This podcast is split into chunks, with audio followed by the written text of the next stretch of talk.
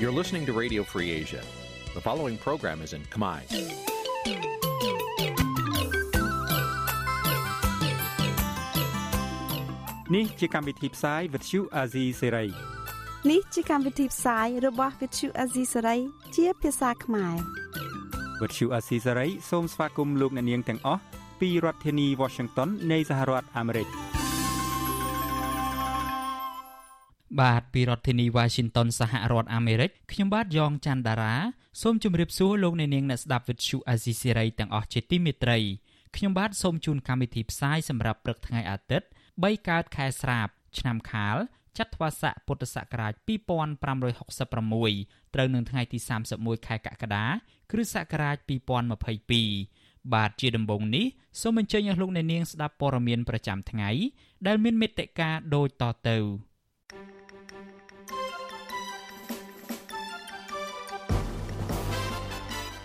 សត្វព្រៃភ្នំតាម៉ៅកំពុងប្រឈមហានិភ័យក្រោយក្រុមហ៊ុនចាប់ផ្ដើមកាប់ព្រៃឈើគណៈបកក្រៅរដ្ឋាភិបាលថាការជួបក្រសួងយុតិធធដើម្បីជជែករឿងវិសោធនកម្មរដ្ឋធម្មនុញ្ញគឺជារឿងគ្មានន័យទៀតទេក្រុមអង្គការសង្គមស៊ីវិលព្រួយបារម្ភពីបញ្ហាគ្រឿងញៀនដែលកំពុងបំពុលសង្គមកម្ពុជា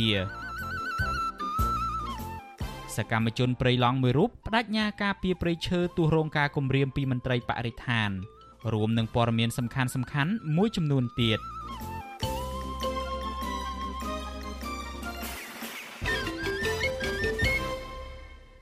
បាទជាបន្តទៅទៀតនេះខ្ញុំបាទយ៉ងច័ន្ទដារាសូមជូនព័ត៌មានទាំងនេះពិស្ដា ក្រុមហ៊ុនដែលទទួលបានសិទ្ធិវិនិយោគនៅលើដីតំបន់ឧទ្យានសួនសត្វភ្នំតាម៉ៅនិងមជ្ឈមណ្ឌលសង្គ្រោះសត្វព្រៃបានចាប់ផ្ដើមកាប់ដើមឈើធំធំនៅក្នុងព្រៃតំបន់នេះសកម្មជនបរិស្ថាន និងមន្ត្រីអង្គការសង្គមស៊ីវិលព្រួយបារម្ភអំពីផលប៉ះពាល់ដល់សត្វព្រៃដែលធ្លាប់បានជួយសង្គ្រោះនិងអភិរក្សនៅក្នុងព្រៃនេះនិងស្នើដល់រដ្ឋាភិបាលអភិរក្សរក្សាព្រៃតំបន់ភ្នំតាម៉ៅកុំឲ្យបាត់បង់បាទអ្នកស្រីម៉ៅសុធានីរាយការណ៍ព័ត៌មាននេះ ក្រុមហ៊ុនលេងនវត្រាដែលទទួលបានសិទ្ធិវិនិយោគនៅតំបន់ឧទ្យានសួនសត្វភ្នំតាម៉ៅនិងមជ្ឈមណ្ឌលសង្គ្រោះសត្វព្រៃភ្នំតាម៉ៅបានចាប់ផ្ដើមឈូសឆាយកាប់ព្រៃក្នុងតំបន់នេះកាលពីថ្ងៃទី28ខែកក្កដា អ្នកគ្រប់គ្រងគម្រោងសង្គ្រោះនិងថែរក្សាសត្វព្រៃនៃអង្គការសម្ព័ន្ធសត្វព្រៃលោកនិចម៉ាក់បានប្រាប់បច្ចុប្បន្នស៊ីស្រីឲ្យដឹងថាលោកតក់ស្លុតជាខ្លាំងនៅពេលដែលទទួលបានដំណឹងពីការកាប់ព្រៃតំបន់ភ្នំតាម៉ៅពីព្រោះកាលពីឆ្នាំ2009អង្គការសម្ព័ន្ធសត្វព្រៃបានចុះកិច្ចសន្យា MOU សហការជាមួយគ្នា ដើម្បីការពារព្រៃនៅតំបន់ភ្នំតាម៉ៅដែលមានទំហំ2300ហិកតាក៏ប៉ុន្តែនៅពេលដែលគេកាប់ ព្រៃបែរជាមិនបានជូនដំណឹងដល់លោកលោកថាលោកព្រួយបារម្ភជាខ្លាំងដល់ជីវិតសត្វព្រៃដែលកំពុងរស់នៅក្នុងតំបន់នោះដោយសារនៅមានសត្វព្រៃកម្រចិត្តផុតពូជដូចជាសត្វប្រើរមាំងឆ្លុះដែលអង្គការសម្ព័ន្ធសត្វព្រៃបានជួយសង្គ្រោះនិងដោះលែងនៅទីនោះលោកយល់ថារដ្ឋាភិបាល គួរអភិវឌ្ឍព្រៃតំបន់ភ្នំតាម៉ៅទៅជាតំបន់អេកូទេសចរវិញ ប្រសើរជាងបំផ្លាញព្រៃឈើទាំងនេះកាប់ព្រៃឥឡូវខ្ញុំគិតថាគេបំផ្លាញយ៉ាប់ម៉ងយ៉ាប់គេអត់ខ្វល់រត់នៅស្រុកខ្មែរអត់ខ្វល់បរិស្ថានអត់ខ្វល់ព្រៃគាត់តែលុយ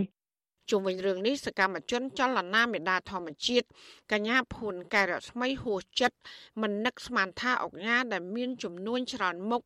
មានទ្រព្យសម្បត្តិស្ដុកស្ដំតែបែរជាមុខបំផ្លាញនិងដណ្ដើមយកចម្រុកសត្វព្រៃទៅវិញទោះបីជាក្រុមហ៊ុនចាប់ផ្ដើមការកាប់ព្រៃឈើនិងមានគម្រោងឈូសឆាយដីត្រឹមតែ500ហិកតាក្តីក៏ប៉ុន្តែកញ្ញាយល់ឃើញថាវានឹងប៉ះពាល់ដល់ការរស់នៅរបស់សត្វ ដែលកំពុងរស់នៅក្នុងព្រៃក្រៅរបងសួនសត្វភ្នំតាម៉ៅពីព្រោះព្រៃក្រៅរបងសួនសត្វនេះមានត្រឹមតែ1900ហិកតាប៉ុណ្ណោះអាជីវកម្មរបស់គាត់មានទាំងកសិផលផងដីឡូផ្ទះល្វែងមានទាំងផលិតកម្មចម្រៀងផងខ្ញុំថាមុខរបរជាច្រើនដែលគាត់កំពុងតែក្តោបក្តាប់ទៅហើយហើយខ្ញុំមិននឹកស្មានថាខ្វះដីអភិវឌ្ឍរហូតដល់ទៅដើមផ្ទះ សัตว์ដែលគ្នាកំពុងតែនៅសុកសុកហើយហាក់ដូចជាមិនដែលបកការរំខានមកដល់មនុស្សហើយក៏ជាកន្លែងដែលសម្រាប់ឲ្យប្រជាពលរដ្ឋគាត់ទៅលំហែកំសាន្តទស្សនាសត្វវត្តជអសិស្រេងមិនអាចតកតងអភិបាលខេត្តតកែវលោកអ៊ូចភាដើម្បីសុំអធិប្បាយអំពីការកាប់ព្រៃឈើនៅតំបន់ភ្នំតាម៉ៅបានទេ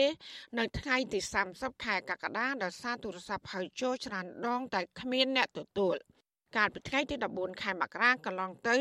ទីស្តីការគណៈរដ្ឋមន្ត្រីលោកខូយខុនហួរ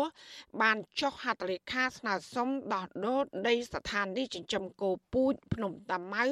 ដែលមានទំហំ300ហិកតានិងដីស្ថិតនៅទីតាំងឧទ្យានជាតិសួនសត្វនិងមជ្ឈមណ្ឌលសង្គ្រោះសត្វព្រៃភ្នំតាម៉ៅទំហំ500ហិកតាដើម្បីវិនិយោគឲ្យក្រុមហ៊ុនខ្មែរ Freshmere ឯកនិងអនុញ្ញាតផ្ទេរកម្មសិទ្ធិឲ្យក្រុមហ៊ុន ហើយនឹងដៃគូសហការគ្នាមុនធ្វើការអភិវឌ្ឍដោយផ្អែកតាមចំណារបស់លោកនាយករដ្ឋមន្ត្រីហ៊ុនសែនឧឈានជាតិសួនសត្វភ្នំតាម៉ៅនិងមជ្ឈមណ្ឌលសង្គ្រោះសត្វព្រៃភ្នំតាម៉ៅមានផ្ទៃដី2300ហិកតាត្រូវបានចុះបញ្ជី ជាតំបន់អភិរក្សពីក្រសួងកសិកម្មកាលពីឆ្នាំ1995ដែលស្ថិតនៅក្នុងស្រុកបាទីខេត្តតាកែវ តំបន់អភិរក្សនេះមានសត្វព្រៃកម្រជាច្រើនប្រភេទកំពុងរស់នៅ និងបង្កកំណើតរួមមានខ្លាឃ្មុំច្រើនជាងគេលើពិភពលោក និងមានកម្មវិធីបង្កាត់កូនក្រពើភ្នំឲ្យរស់នៅក្នុងព្រៃនៅតំបន់នោះ ដែលជាសត្វកម្រចិត្តផុតពូជចាននាងខ្ញុំម៉ៃសុធានីវិទ្យុអាស៊ីសេរីប្រធានាធិបតី Washington បាទលោកអ្នកនាងជាទីមេត្រីតកតងទៅនឹងរឿងសត្វព្រៃនេះដែរ អង្គការមូលនិធិសកលសម្រាប់អភិរក្សធនធានធម្មជាតិហៅកាត់ថា WWF ជំរុញការស្ដារសត្វខ្លាធំនៅកម្ពុជាឡើងវិញទីភ្នាក់ងារសារព័ត៌មានកម្ពុជា AKP បានចុះផ្សាយកាលពីថ្ងៃទី29កក្កដាថាពិធីអបអរសាទរទិវាសត្វខ្លាធំពិភពលោក កាលពីពេលថ្មីៗនេះអង្គការ WWF បានលើកឡើងថាការស្ដារសត្វខ្លាធំឡើងវិញនៅក្នុងដែនជម្រកដែលខ្លាធំធ្លាប់រស់នៅគឺតំបន់ទេសភាពខ្ពង់រាបភាគខាងកើតនៃប្រទេសកម្ពុជានោះពិតជាមានសារៈសំខាន់ណាស់អង្គការ WWF បញ្ជាក់ទៀតថាការស្ដារសត្វខ្លាធំឡើងវិញនេះគឺជាគោលដៅអភិរក្សរយៈពេលវែងរបស់រដ្ឋាភិបាលកម្ពុជា ក្រសួងបរិស្ថាន អង្គការ WWF និងអង្គការដៃគូពាក់ព័ន្ធដទៃទៀតអង្គការអភិរក្សសត្វព្រៃដដែលនេះបានឲ្យដឹងទៀតថាការងារនេះ រួមបញ្ចូលទាំងការស្ដារប្រភេទសត្វដែលជាចំណីរបស់សត្វខ្លាធំ មានដូចជាសត្វរំពាជាដើមនិងការរៀបចំឲ្យមានលក្ខខណ្ឌអេកូឡូស៊ីនិងទីជម្រកសមស្របដើម្បីគ្រប់គ្រងដល់ការអនុវត្តផែនការស្ដារសត្វខ្លាធំនាពេលអនាគតសត្វខ្លាធំចុងក្រោយត្រូវបានថតជាប់ដោយម៉ាស៊ីនថតស្វ័យប្រវត្តិកាលពីឆ្នាំ2007នៅក្នុងដែនជម្រកសត្វព្រៃស្រែពកស្ថិតនៅក្នុងខេត្តមណ្ឌលគិរីក៏ប៉ុន្តែកាលពីឆ្នាំ2016ក្រុមអ្នកវិទ្យាសាស្ត្រ បានប្រកាសថាសត្វខ្លាធំត្រូវបានផុតពូជពីព្រៃធម្មជាតិនៃប្រទេសកម្ពុជាទៅហើយបាទលោកនាងជាទីមេត្រីតកតងទៅនឹងការការពារធនធានធម្មជាតិនេះដែរក្រុមស្នូលបណ្ដាញសហគមន៍ការពារព្រៃឡង់ខេត្តស្ទឹងត្រែងម្នាក់គឺលោកគង់រីនៅតែបង្ហាញជំហរការពារព្រៃយ៉ាងមុតមមស្របទៅតាមរដ្ឋធម្មនុញ្ញបើទោះបីជាលោក រងការគំរាមកំហែងធ្វើទុកបុកម្នេញពីសំណាក់អាជ្ញាធរនិងឆ្មាំអភិរក្សរបស់ក្រសួងបរិស្ថានយ៉ាងណាក្តីសកម្មជនព្រៃឡង់រូបនេះអំពាវនាវឲ្យប្រជាពលរដ្ឋគ្រប់មជ្ឈដ្ឋាន ចូលរួមការពារនិងតាមដានដោយយកចិត្តទុកដាក់ពីស្ថានភាពព្រៃឡង់ដែលកំពុងប្រឈមការកាប់បំផ្លាញនិងការបរបាញ់សត្វព្រៃយ៉ាងពេញទំហឹងបាទលោកអ្នកនាងនឹងបានស្ដាប់សេចក្តីរាយការណ៍នេះពឹស្ដានៅក្នុងការផ្សាយរបស់យើងនាពេលបន្តិចទៀតនេះ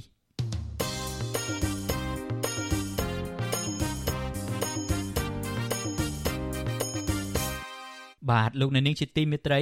យើងងាកមករឿងនយោបាយឯនេះវិញមេដឹកនាំគណៈបកនយោបាយមន្ត្រីអង្គការសង្គមស៊ីវិលនិងអ្នកវិភាគមួយចំនួនរិះគន់ថាការពន្យល់ណាមួយរបស់ក្រសួងយុតិធធអំពីការកែប្រែរដ្ឋធម្មនុញ្ញនោះគឺហួសពេលបាត់ទៅហើយប្រតិកម្មរបស់ពួកគាត់បែបនេះគឺក្រោយពេលសភាឯកបកបានអនុម័តសេចក្តីព្រាងច្បាប់ធម្មនុញ្ញរួចទៅហើយក៏ប៉ុន្តែក្រសួងយុតិធធ ទើបតែចេញលិខិតអញ្ជើញគណៈបកនយោបាយឬអង្គការសង្គមស៊ីវិលដើម្បីជួបពិភាក្សាអំពីគោលបំណងនៃការកែប្រែច្បាប់កម្ពុជាមួយនេះបាទលោកយុនសាមៀនរាយការណ៍ព័ត៌មាននេះមេដឹកនាំគណៈបកនយោបាយអ្នកវិភាគនិងមន្ត្រីអង្គការសង្គមស៊ីវិលលើកឡើងថាប្រសិនបើក្រសួងយុតិធធមានបំណងចង់ស្ដាប់មតិយោបល់ពួកគេ ក្រសួងយុតិធធគួរអញ្ជើញពួកគេមកពិភាក្សា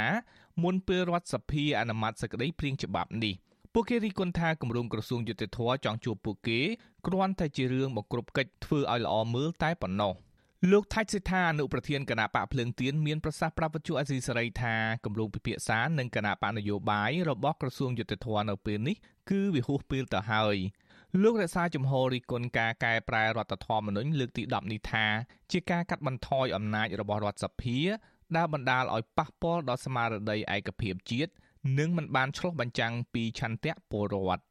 រដ្ឋធម្មនុញ្ញមានចែងពីរឿងសភាដែលឯកភាពពីរដ្ឋប្រធានសភាអនុប្រធានទាំងពីរនេះស្នើទៅ5ហាខ្សាតដល់ឥឡូវវាអត់មានប្រើសភាឯណាគណៈបកនយោបាយគណៈបកហ្នឹងតែយើងឆ្លើយថាងយកមកវិលសភាតដែរចាំបើសភាដែរបន្ទុកហ្នឹងទៅមិនវាល្អជាងមិនអញ្ចឹងមានន័យថាអត់ស្រួលខ្លួនទេនៅក្នុងបកខ្លួនឯងហ្នឹងឬមួយក៏ខ្លាចគណៈបកផ្សេងទៀតស្រដៀងគ្នានេះដែរគណៈបកប្រជាធិបតេយ្យមូលដ្ឋានលើកឡើងតាមទំព័រ Facebook របស់ខ្លួនដែរថា គណៈបកនេះសោកស្ដាយនៅពេលឃើញសេចក្តីប្រកាសព័ត៌មានរបស់ក្រសួងយុតិធធស្នើពន្យល់បកស្រាយបំភ្លឺអំពីសំណើវិសោធនកម្មរដ្ឋធម្មនុញ្ញក្រោយសភាអនុម័តរួចបែបនេះ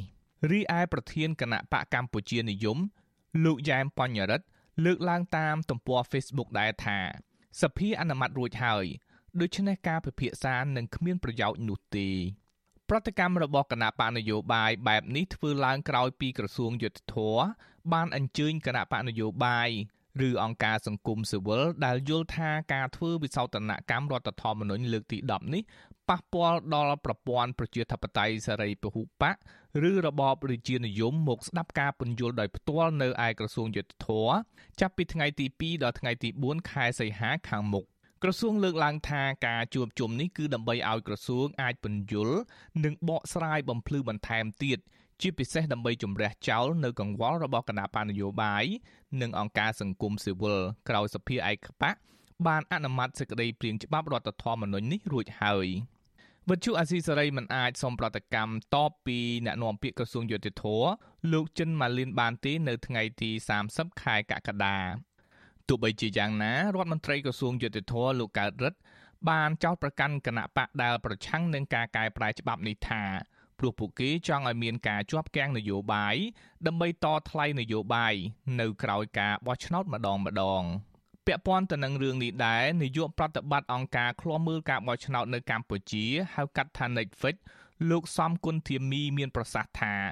លោកនឹងជជែកជាមួយមន្ត្រីអង្គការសង្គមស៊ីវិលផ្សេងទៀត ដើម្បីពិចារណាថាគួរចូល ឬមិនចូលតាមការអញ្ជើញរបស់ក្រសួងយុតិធធនៅពេលនេះទោះបីជាយ៉ាងណាលោករីគុណថាការអញ្ជើញនេះគឺមានភាពយឺតយ៉ាវឬគ្រាន់តែជាការបកស្រាយបង្ក្រប់កិច្ចតែប៉ុណ្ណោះ។ ព្រោះអញ្ចឹងហើយច្បាប់អនុម័តហើយបានបានមកបកស្រាយយល់តាមក្រោយវាវាវាយឺតអញ្ចឹងបើភាសាសាមញ្ញគេថាមកជួសដល់មកឆាហើយគេបកហើយបានចំអញ្ចឹងវារឿងវាដូចថាវាចប់មកកលះហើយណាដែលជាអនុម័តហើយណាបាទទៅមកយល់ក្រោយហ្នឹងវាវាយឺតពេលបាទតកតងទៅនឹងរឿងនេះដែរអ្នកវិភាគជើងចាស់បណ្ឌិតឡៅម៉ុងហៃលើកឡើងថាជំនួបពិភាក្សាដើម្បីពន្យល់ការបកស្រាយធ្វើវិសោធនកម្មរដ្ឋធម្មនុញ្ញក្រោយរដ្ឋសភាបានអនុម័តសេចក្តីព្រាងច្បាប់នេះ មិនមានន័យអ្វីទេលោកបណ្ឌិតបន្តថាការកែប្រែច្បាប់នេះគួរដាក់ជូនរាជពិភាក្សាផ្ដល់មតិនិងប្រមូលមតិគ្នាឲ្យបានច្រើនមុនរដ្ឋសភាអនុម័តទើបមានន័យរដ្ឋសភាបានអនុម័តសេចក្តីព្រាងកែប្រែរដ្ឋធម្មនុញ្ញចំនួន6មាត្រា និងច្បាប់ធម្មនុញ្ញបន្ថែមចំនួន2មាត្រាកាលពីថ្ងៃទី28ខែកក្កដាការកែប្រែច្បាប់ដល់ចម្រូងចម្រាសនេះផ្ដោតសំខាន់លើការតែងតាំងតួនាទីនាយករដ្ឋមន្ត្រី ដោយមិនចាំបាច់ឆ្លងកាត់រដ្ឋសភា ការបង្កើនសិទ្ធិអំណាចរបស់គណៈបកដែលមានអាសនៈច្រើននៅក្នុងរដ្ឋសភា និងដើម្បីឲ្យលោកហ៊ុនសែនអាចផ្ទេរអំណាចរបស់លោកទៅកូនប្រុសរបស់លោកគឺលោកហ៊ុនម៉ាណែត បានយ៉ាងរលូនខ្ញុំយុនសាមៀនវិទ្យុអាស៊ីសេរីប្រធានាធិបតី Washington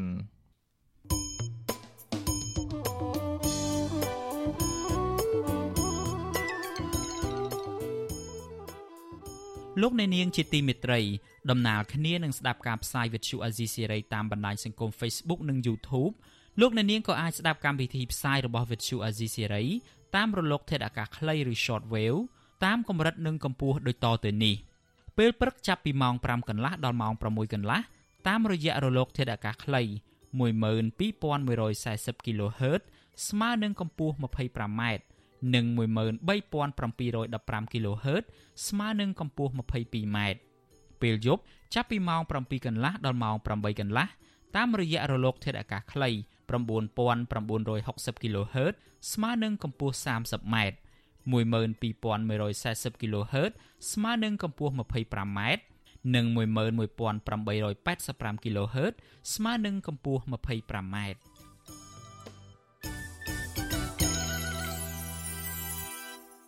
បាទលោកនៅនាងជាទីមេត្រី តកតងទៅនឹងបញ្ហានយោបាយនេះដែរ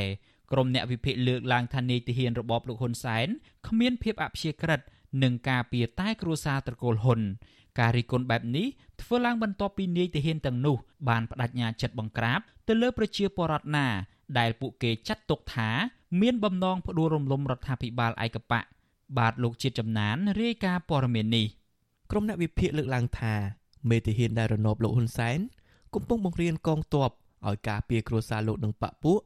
ដោយយកលេសថាដើម្បីពង្រឹងស្មារតីក្នុងការបំពេញភារកិច្ចការពារបុព្វហេតុជាតិមាតុភូមិរក្សាសន្តិសុខសណ្ដាប់ធ្នាប់និងស្ថិរភាពសង្គម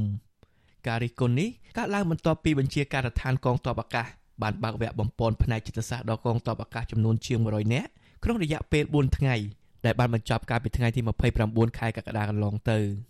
ព័ត៌មានក្នុងស្រុកបានដកស្រង់សម្ដីមេបញ្ជាការរងកងឧត្តមភេទជ្ជៈលោកគង់សារឿន ថាការអប់រំផ្នែកចិត្តសាស្ត្រសម្រាប់កងទ័ពគឺជាកិច្ចការសំខាន់ក្នុងការពង្រឹងស្មារតីរបស់កងទ័ពឲ្យអនុវត្តទូនាទីភារកិច្ចរបស់ខ្លួន ជាពិសេសគឺការបដិញ្ញាចិត្តការពីរដ្ឋាភិបាលពីការផ្ដួលរំលំរបស់ក្រុមប្រឆាំងអតីតមន្ត្រីជាន់ខ្ពស់គណៈបកសង្គ្រោះជាតិលោកអ៊ុំសំអានប្រាប់វិសុវអសីស្រីនៅថ្ងៃទី30ខែកក្កដាថាកងទ័ពមានទូនាទីបម្រើការពារមាតុភូមិពីការឈ្លានពានជាពិសេសនៅតាមបន្ទាត់ព្រំដែនព្រមទាំងការពារប្រជាជនឲ្យមានសុខសុវត្ថិភាព និងមានស្ថិរភាពក្នុងប្រទេសផ្ទុយទៅវិញលោកមើលឃើញថារដ្ឋាភិបាលឯកបៈមួយនេះកំពុងតាក់ទាញឲ្យកងទ័ពការពារខ្លួននឹងបកពួកដោយសារតែពួកគេបារម្ភពីការបាត់បង់អំណាចតែប៉ុណ្ណោះលោកបន្តថាលោកហ៊ុនសែន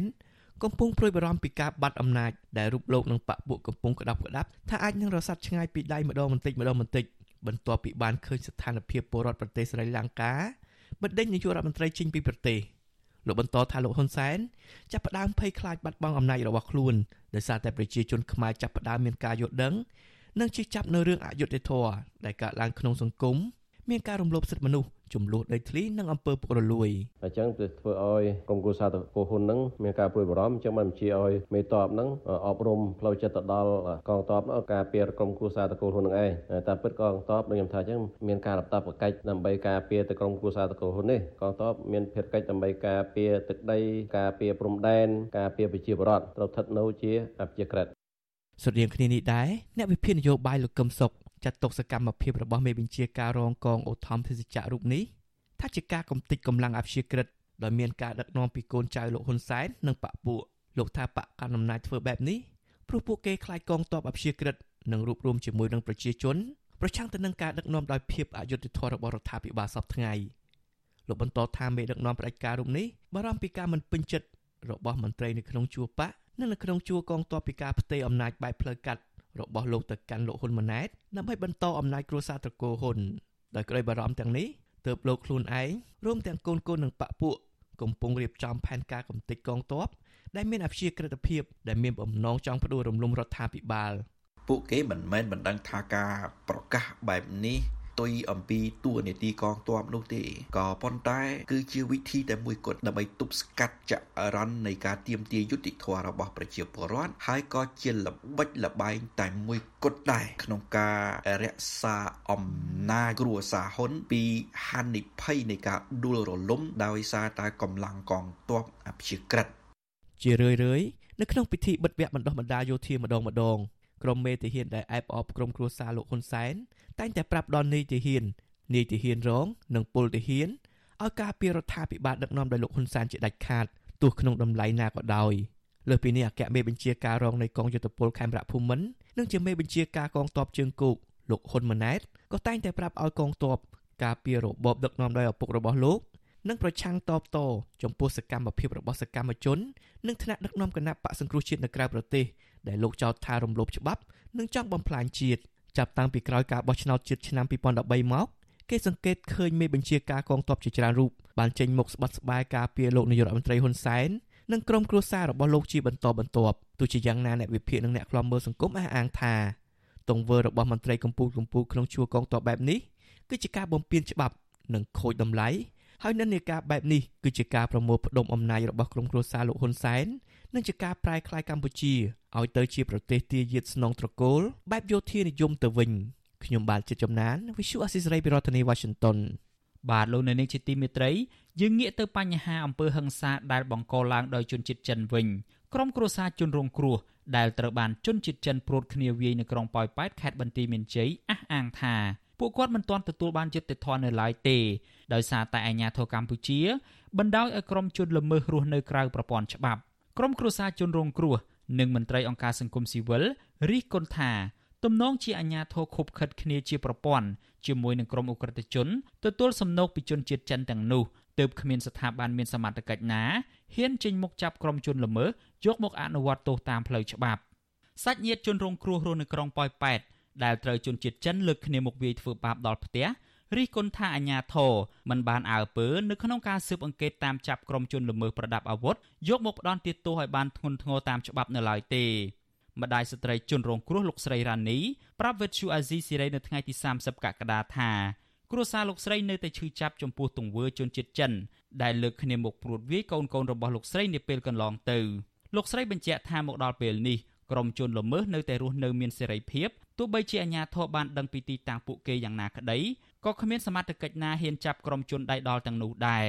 លើពីនេះទៅទៀតលោកស្រីថាក្រុមជនជាតិចិនដែលវាយធ្វើបាបកូនលោកស្រីនោះតែងតែចាត់មេការជាជនជាតិខ្មែរដើម្បីឲ្យសហការជាមួយសមត្ថកិច្ចក្រុងប៉ោយប៉ែតបញ្ចុះបញ្ចូលក្រុមគ្រួសារលោកស្រីឲ្យដកពាក្យបណ្ដឹងដើម្បីទទួលយកសំណង យើងចង់បានមនុស្សដើម្បីថាថ្ងៃក្រោយកុំឲ្យមនុស្សហ្នឹងវាធ្វើអញ្ចឹងទៀតណាបើយើងលុយយើងអត់គិតឃើញថាចង់បានលុយគេសេរីសវាយកលុយគេហើយគេរបៀបដូចថាយើងលក់កូនឯកូនគេវាយហើយយើងចង់បានលុយយើងអត់ចង់ចឹងណាលោកស្រីរ៉ានីចាត់ទុកទង្វើរបស់អាជ្ញាធរក្រុងប៉ោយប៉ែតដែលតែងតែបង្ខំឲ្យគ្រួសារលោកស្រីទទួលយកសំណងកន្លងមកនេះថាមិនផ្ដល់តម្លៃឲ្យកូនកូនលោកស្រីដែលរងការវាយដំពីក្រុមជនល្មើសនោះឡើយ លោកស្រីចង់ឃើញអាជ្ញាធរអនុវត្តច្បាប់ប្រកបដោយតម្លាភាព និងយុត្តិធម៌ដោយចាប់ក្រុមជនល្មើសទាំងអស់យកមកដាក់ទោសឲ្យបានធ្ងន់ធ្ងរតាមច្បាប់កាលពីថ្ងៃទី2ខែមីនាកន្លងទៅជនជាតិចិនមួយក្រុមមានគ្នាជាង10នាក់និងក្រុមសន្តិសុខជាង20នាក់បានសម្រុកចូលផ្ទះលោកស្រីរ៉ានីព្រួតវាយកូនលោកស្រីឈ្មោះសុភ័ក្រដាលីនហៅធីតានិងកូនប្រសាដែលជាម្ចាស់ហាងកាត់សក់មួយកន្លែងនៅក្រុងប៉ោយប៉ែត លោកស្រីរ៉ានីថាដើមហេតុដំបូងក្រុមជនជាតិចិនទាំងនោះមានបំណងមកវាយជនជាតិថៃពីរនាក់ផ្សេងទៀតដែលមកចូលកាត់សក់នៅក្នុងហាងកូនលោកស្រីក៏ប៉ុន្តែជនជាតិថៃទាំងនោះបានរត់គេចខ្លួនហើយភ្លាមភ្លាមនោះក្រុមជនជាតិចិននិងក្រុមសន្តិសុខបានព្រួតគ្នាវាយកូនលោកស្រីឈ្មោះសុភ័ក្រដាលីនហៅធីតាទាំងកំរោលព្រមទាំងបំផ្លាញទ្រព្យសម្បត្តិនៅក្នុងផ្ទះមួយចំនួនធំបើទោះបីជាកូនលោកស្រី បានបញ្យល់ប្រាប់ថានាងមិនដែលស្គាល់ឬមានទំនាក់ទំនងជាមួយនឹងជនជាតិថៃទាំងនោះយ៉ាងណាក្តីលោកស្រីរ៉ានីអះអាងទៀតថាក្រុមជនដៃដល់ទាំងនោះមានម្នាក់គឺជាជនជាតិចិនបានដកកំភ្លើងខ្លីភ្ជង់ក្បាលកូនលោកស្រីចំណែកជនជាតិចិននិងក្រុមសន្តិសុខផ្សេងទៀតមានដំបងឆក់ញញួរនិងបំពង់ដែកបានព្រួតវាយទាត់ធាក់កូនស្រីលោកស្រី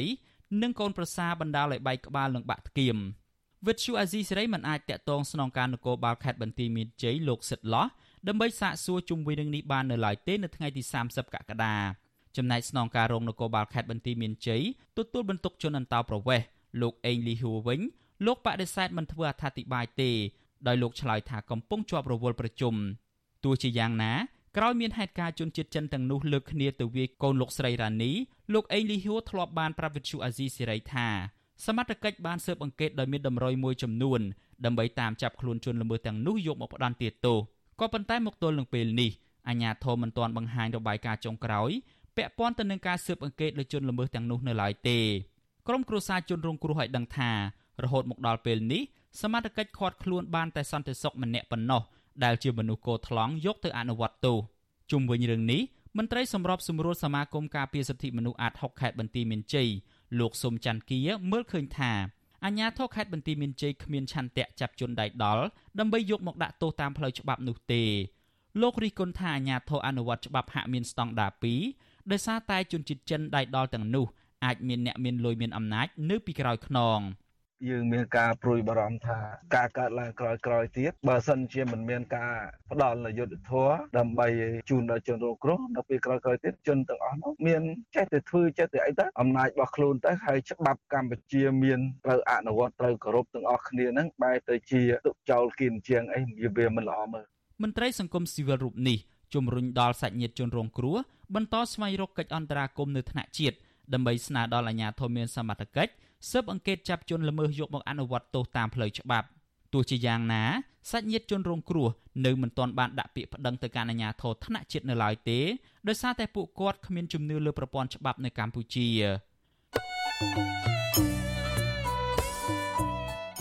លោកអ្នកនាងជាទីមេត្រីវិទ្យុអាស៊ីសេរីសូមជូនដំណឹងថាយើងគ្មានអ្នកយកព័ត៌មានប្រចាំនៅប្រទេសកម្ពុជាទេប្រសិនបើមានជនណាម្នាក់ អះអាងថាជាអ្នកយកព័ត៌មានឲ្យវិទ្យុអាស៊ីសេរីនៅកម្ពុជានោះគឺជាការក្លែងបន្លំយកឈ្មោះអាស៊ីសេរីទៅប្រើនៅក្នុងគោលបំណងទុច្ចរិតណាមួយរបស់បុគ្គលនោះតែប៉ុណ្ណោះបាទសូមអរគុណ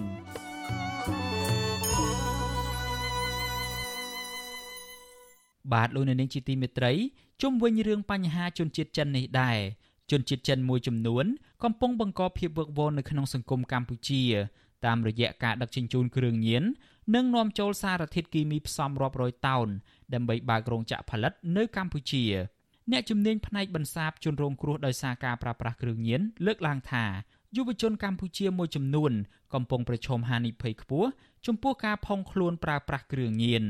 បាទលោកសេចបណ្ឌិតរាយការណ៍ព័ត៌មាននេះអ្នកជំនាញបន្សាបគ្រឿងញៀនឲ្យដឹងថា ដោយសារតែលំហូរនៃគ្រឿងញៀនចូលមកកម្ពុជាច្រើនសន្ធឹកសន្ធាប់កន្លងមកនេះធ្វើឲ្យពួកគេព្រួយបារម្ភដោយសារតែប្រជាពលរដ្ឋជាពិសេសក្រមយុវជន និងយុវនារីប្រឈមនឹងហានិភ័យកាន់តែខ្លាំងបន្ថែមទៀតចំពោះការផុងខ្លួនប្រើប្រាស់គ្រឿងញៀនប្រធានសមាគមសង្គ្រោះជនរងគ្រោះដោយសារគ្រឿងញៀននៅកម្ពុជា លោកមាសសុវណ្ណបានលើកឡើងថាបើបញ្ហាគ្រឿងញៀននៅតែបន្តហូរចូលយ៉ាងគំហុកប្រជាពលរដ្ឋជាពិសេស ក្រមយុវជនក៏អាចប្រឈមគ្រោះថ្នាក់ខ្ពស់ដោយសារតែការប្រើប្រាស់គ្រឿងញៀនកាន់តែខ្លាំងឡើងខ្លាំងឡើង។លោកបញ្ជាក់ថាបច្ចុប្បន្នយុវជនជាច្រើនកំពុងប្រឈមគ្រោះថ្នាក់ខ្ពស់នៃការផុងខ្លួនប្រើប្រាស់គ្រឿងញៀនតាមរយៈមធ្យោបាយជាច្រើន ក្នុងនោះ មានដូចជា ការលបួងមិត្តភ័ក្តិនិងដោយសារតែការរងសម្ពាធផ្លូវចិត្តលោកមាសវណ្ណលើកទឹកចិត្តដល់អាណាព្យាបាលទាំងអស់ ឲ្យមើលថែកូនកូនដែលកំពុងរងគ្រោះដោយសារតែការប្រើប្រាស់គ្រឿងញៀនគឺមិនត្រូវព្យាយាមលាក់បាំងនិងបង្កការរើសអើងឬបន្ថែមការស្ដីបន្ទោសទៅដល់ជនរងគ្រោះទាំងនោះឡើយ បញ្ជ្រាបការយល់ដឹងឲ្យក្រុមគ្រួសារយល់ដឹងថាកុំរើសអើងជាមួយកូនហើយក៏កុំធ្វើអីមួយប្រើភាសាជាមួយកូនជាមួយនឹងយើងសុខចិត្តនិយាយភាសាល្អល្អជឿរកកម្មវិធីថាអ្វីដែលល្អល្អណែនាំគាត់ល្អល្អទៅព្យាយាមកុំខឹងតបជាមួយគាត់ច្រើនបានន័យថាគាត់ ឆាប់ខឹងឆាប់ជឿឆាវហើយហើយកុំលាក់អេហ្នឹងតែកណ្ដាលលាក់ជំងឺកាន់ធ្ងន់ធ្ងរមិនយើងអត់លាក់ទេយើងត្រូវរកបណ្ដុលឬក៏រកអ្នកដែលជំនាញបច្ចេកទេសដើម្បីប្រឹក្សាយោបល់ទូយោបល់ដើម្បីសម្រេចដើម្បីដោះស្រាយនឹងបានល្អលោកមាសសុវណ្ណឲ្យដឹងទៀតថាគិតមកត្រឹមខែកក្កដាឆ្នាំ2022សមាគមសង្គ្រោះជនរងគ្រោះដោយសារគ្រឿងញៀននៅកម្ពុជា បានទទួលជនរងគ្រោះឲ្យមកបន្សាបគ្រឿងញៀនមានចំនួនជិត14000នាក់ក្នុងនោះមានស្ត្រីជិត1000នាក់ លោកបញ្ជាក់ថាអ្នកដែលកំពុងបន្សាបគ្រឿងញៀនភ ieck ច្រើន គឺជាយុវជនដែលមានអាយុចន្លោះពី14ទៅ30ឆ្នាំលោកថាមូលហេតុដែលនាំឲ្យពួកគាត់ផុងខ្លួនប្រើប្រាស់គ្រឿងញៀនកន្លងមកនេះភ ieck ច្រើនពួកគាត់ជួបនឹងវិបត្តិស្នេហារងសម្ពាធផ្លូវចិត្តនៅក្នុងគ្រួសារនិងដោយសារតែការបញ្ចុះបញ្ចូលពីសំណាក់មិត្តភ័ក្តិមន្ត្រីសង្គមស៊ីវិលរូបនេះស្នើដល់អាណាព្យាបាលឬឪពុកម្ដាយទាំងអស់ដែលកំពុងមានសមាជិកកំពុងប្រើប្រាស់គ្រឿងញៀន ត្រូវតែព្យាយាមនិយាយលួងលោមលើកទឹកចិត្តជាប្រចាំនិងត្រូវបញ្ជូនទៅកន្លែងបន្សាបគ្រឿងញៀននៅតាមអង្គការសមាគមនានាដើម្បីប្រឹក្សាយោបល់ជាមួយអ្នកជំនាញលោកមាសសវណ្ណបញ្ជាក់ទៀតថាបើឪពុកម្ដាយដឹងថាកូនរបស់ខ្លួនកំពុងប្រើប្រាស់គ្រឿងញៀនហើយបន្តស្ដីបន្ទោសគំរាមកំហែងពួកគាត់ទៀតនោះនឹងធ្វើឲ្យអ្នកដែលកំពុងប្រើប្រាស់គ្រឿងញៀនកាន់តែរងសម្ពាធដែលនាំឲ្យពួកគាត់ ប្រតិកម្មតបតដោយបញ្ចេញនូវសកម្មភាពហិង្សាលើឪពុកម្ដាយនិងអាចនាំឲ្យពួកគាត់កាន់តែលំបាកចិត្តរហូតដល់សម្លាប់ខ្លួនឯងនិងប្រព្រឹត្តទង្វើមិនគប្បីផ្សេងផ្សេងជាច្រើនផ្សេងទៀតទៅកាន់អ្នកដទៃជាដើមជុំវិញរឿងគ្រឿងញៀនដែលកំពុងវាយលុកចូលកម្ពុជានេះអ្នកដែលធ្លាប់រងគ្រោះបានលើកឡើងស្របគ្នាថាជនរងគ្រោះដែលកំពុងប្រើប្រាស់គ្រឿងញៀនជាប្រចាំនៅក្នុងកម្រិតមធ្យម អាចមានអារម្មណ៍តានតឹងស្មុគស្មាញនិងបញ្ចេញអារម្មណ៍ខឹងមួម៉ៅជាប្រចាំរហូតអាចធ្វើឲ្យពួកគាត់បាត់បង់ភាពម្ចាស់ការលើខ្លួនឯងដែលនាំឲ្យជនរងគ្រោះឈានទៅដល់ការវង្វេងវង្វាន់បាត់បង់សតិស្មារតីជាដើមអ្នកធ្លាប់ប្រើប្រាស់គ្រឿងញៀនមួយរូបគឺលោកគៀយ៉តបានរៀបរាប់ប្រាប់បទសុអសីសេរីថានៅពេលដែលលោកកំពុងប្រើប្រាស់គ្រឿងញៀនលោកមិនអាចគ្រប់គ្រងស្មារតីខ្លួនឯងបានឡើយ និយាយអានឹងឆ្ងាញ់ទៅពេលប្រើទេបងដល់ពេលយើងលេងដល់ពេលយើងប្រើអស់យើងឈប់បើថាយើងគិតសុបាយចិត្តយើងសុបាយចិត្តចឹងណាប្រាប់ថាគិតរឿងពិបាកចិត្តពិបាកចិត្តឲ្យចង់ចង់ចងកអីនោះក៏មានពេលណាពិបាកចិត្តដូចជាឆ្លុះគ្នាមួយពួនហើយទៅលេងអញ្ចឹងណានឹងចូលផ្ទះណាពិបាកចិត្តអង្គុយនឹងពិបាកចិត្តដល់ពិបាកមានទៀតហ្មងឡានោះលោកបន្តទៀតថាកត្តាជំរុញឲ្យលោកផុងខ្លួនប្រើប្រាស់គ្រឿងញៀននោះគឺដោយសារតែមិត្តភ័ក្តិលបងលងលោមឲ្យប្រើប្រាស់គ្រឿងញៀនស្របពេលដែលលោកកំពុងតែរងសម្ពាធនៅក្នុងគ្រួសារលោកបញ្ជាក់ទៀតថា ពេលលោកចាប់ផ្ដើមប្រើប្រាស់គ្រឿងញៀនកាន់តែខ្លាំងលោកតែងតែលាក់លុយកាក់ពីប្រពន្ធសម្រាប់ទិញថ្នាំប្រើប្រាស់លោកថាអ្នកដែលប្រើប្រាស់គ្រឿងញៀននឹងមិនអាចបញ្ឈប់ដោយខ្លួនឯងបានឡើយដោយសារតែឥទ្ធិពលនៃថ្នាំញៀនទាំងនោះ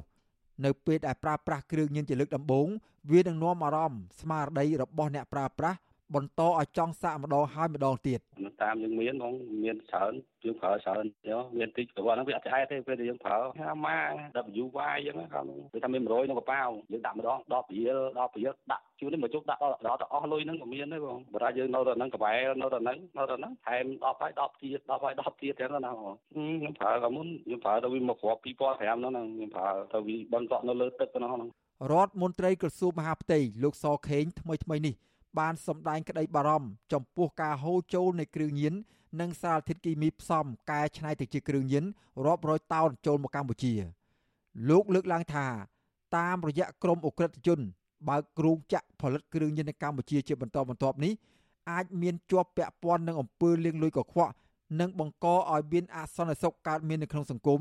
ដូចជាករណីចាប់ជំរិត និងករណីជួញដូរមនុស្សជាដើម។ លោកសខេងក៏ធ្លាប់បានលើកឡើងពីបញ្ហាប្រឈមនៃភាពចង្អៀតណែននៅក្នុងពន្ធនាគារដោយសារតែអ្នកជាប់ឃុំស្ទើរតែពាក់កណ្ដាលសុទ្ធសឹងតែពាក់ព័ន្ធនឹងបញ្ហាគ្រឿងញៀនលោកថាក្នុងចំណោមអ្នកជាប់ឃុំនៅក្នុងពន្ធនាគារចំនួន38000នាក់ក្នុងនោះមានជាង20000នាក់ឬស្មើនឹងជាង45%គឺជាប់ពាក់ព័ន្ធនឹងករណីជួញដូរនិងប្រើប្រាស់គ្រឿងញៀនខ្ញុំបាទសេកបណ្ឌិតវុទ្ធុអាស៊ីសេរីពីរដ្ឋធានីវ៉ាស៊ីនតោន បាទលោកនៅនាងជាទីមេត្រីតកតងទៅនឹងរឿងសុខភាពនិងការអប់រំឯណោះវិញក្រសួងអប់រំប្រកាសឲ្យប្រើប្រាស់សិភៅណែនាំប្រតិបត្តិស្តង់ដារស្តីពីការលើកកម្ពស់សុខភាព និងបរិយាកាសរៀនសូត្រសម្រាប់គ្រឹះស្ថានសិក្សាទាំងអស់នៅទូទាំងប្រទេសរដ្ឋមន្ត្រីក្រសួងអប់រំយុវជននិងកីឡាលោកហងជួននរុនឲ្យដឹងកាលពីថ្ងៃទី29ខែកក្កដាថា ក្រសួងអប់រំបានដាក់ចេញនូវផែនការសកម្មភាពថ្មីៗជាច្រើន ស្ដីពីសុខភាពសិក្សា ឆ្នាំ2021ដល់ឆ្នាំ2030ដើម្បីលើកកម្ពស់បរិស្ថានសិក្សា និងការលក់ដូរនៅតាមគ្រឹះស្ថានសិក្សា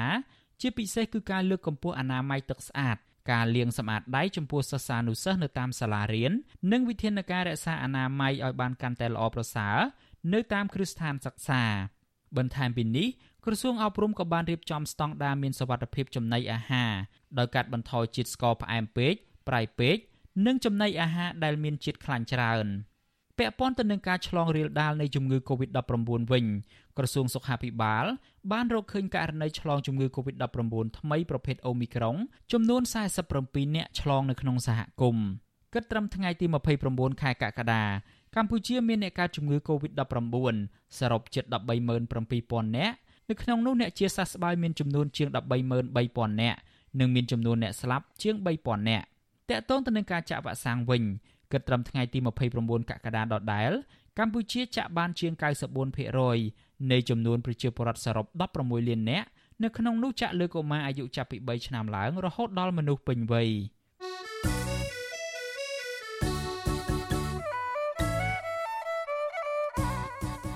លោកអ្នកនាងកញ្ញាជាទីមេត្រី ក្រៅពីការតាមដានកម្មវិធីផ្សាយរបស់ Vuthu Azizi Siri តាមបណ្ដាញសង្គម Facebook YouTube Telegram លោកអ្នកនាងក៏អាចតាមដានកម្មវិធីផ្សាយរបស់យើងតាមរយៈបណ្ដាញសង្គម Instagram របស់ Azizi Siri បានដែរតាមរយៈតំណ link www.instagram.com/rfa ខ្មែរ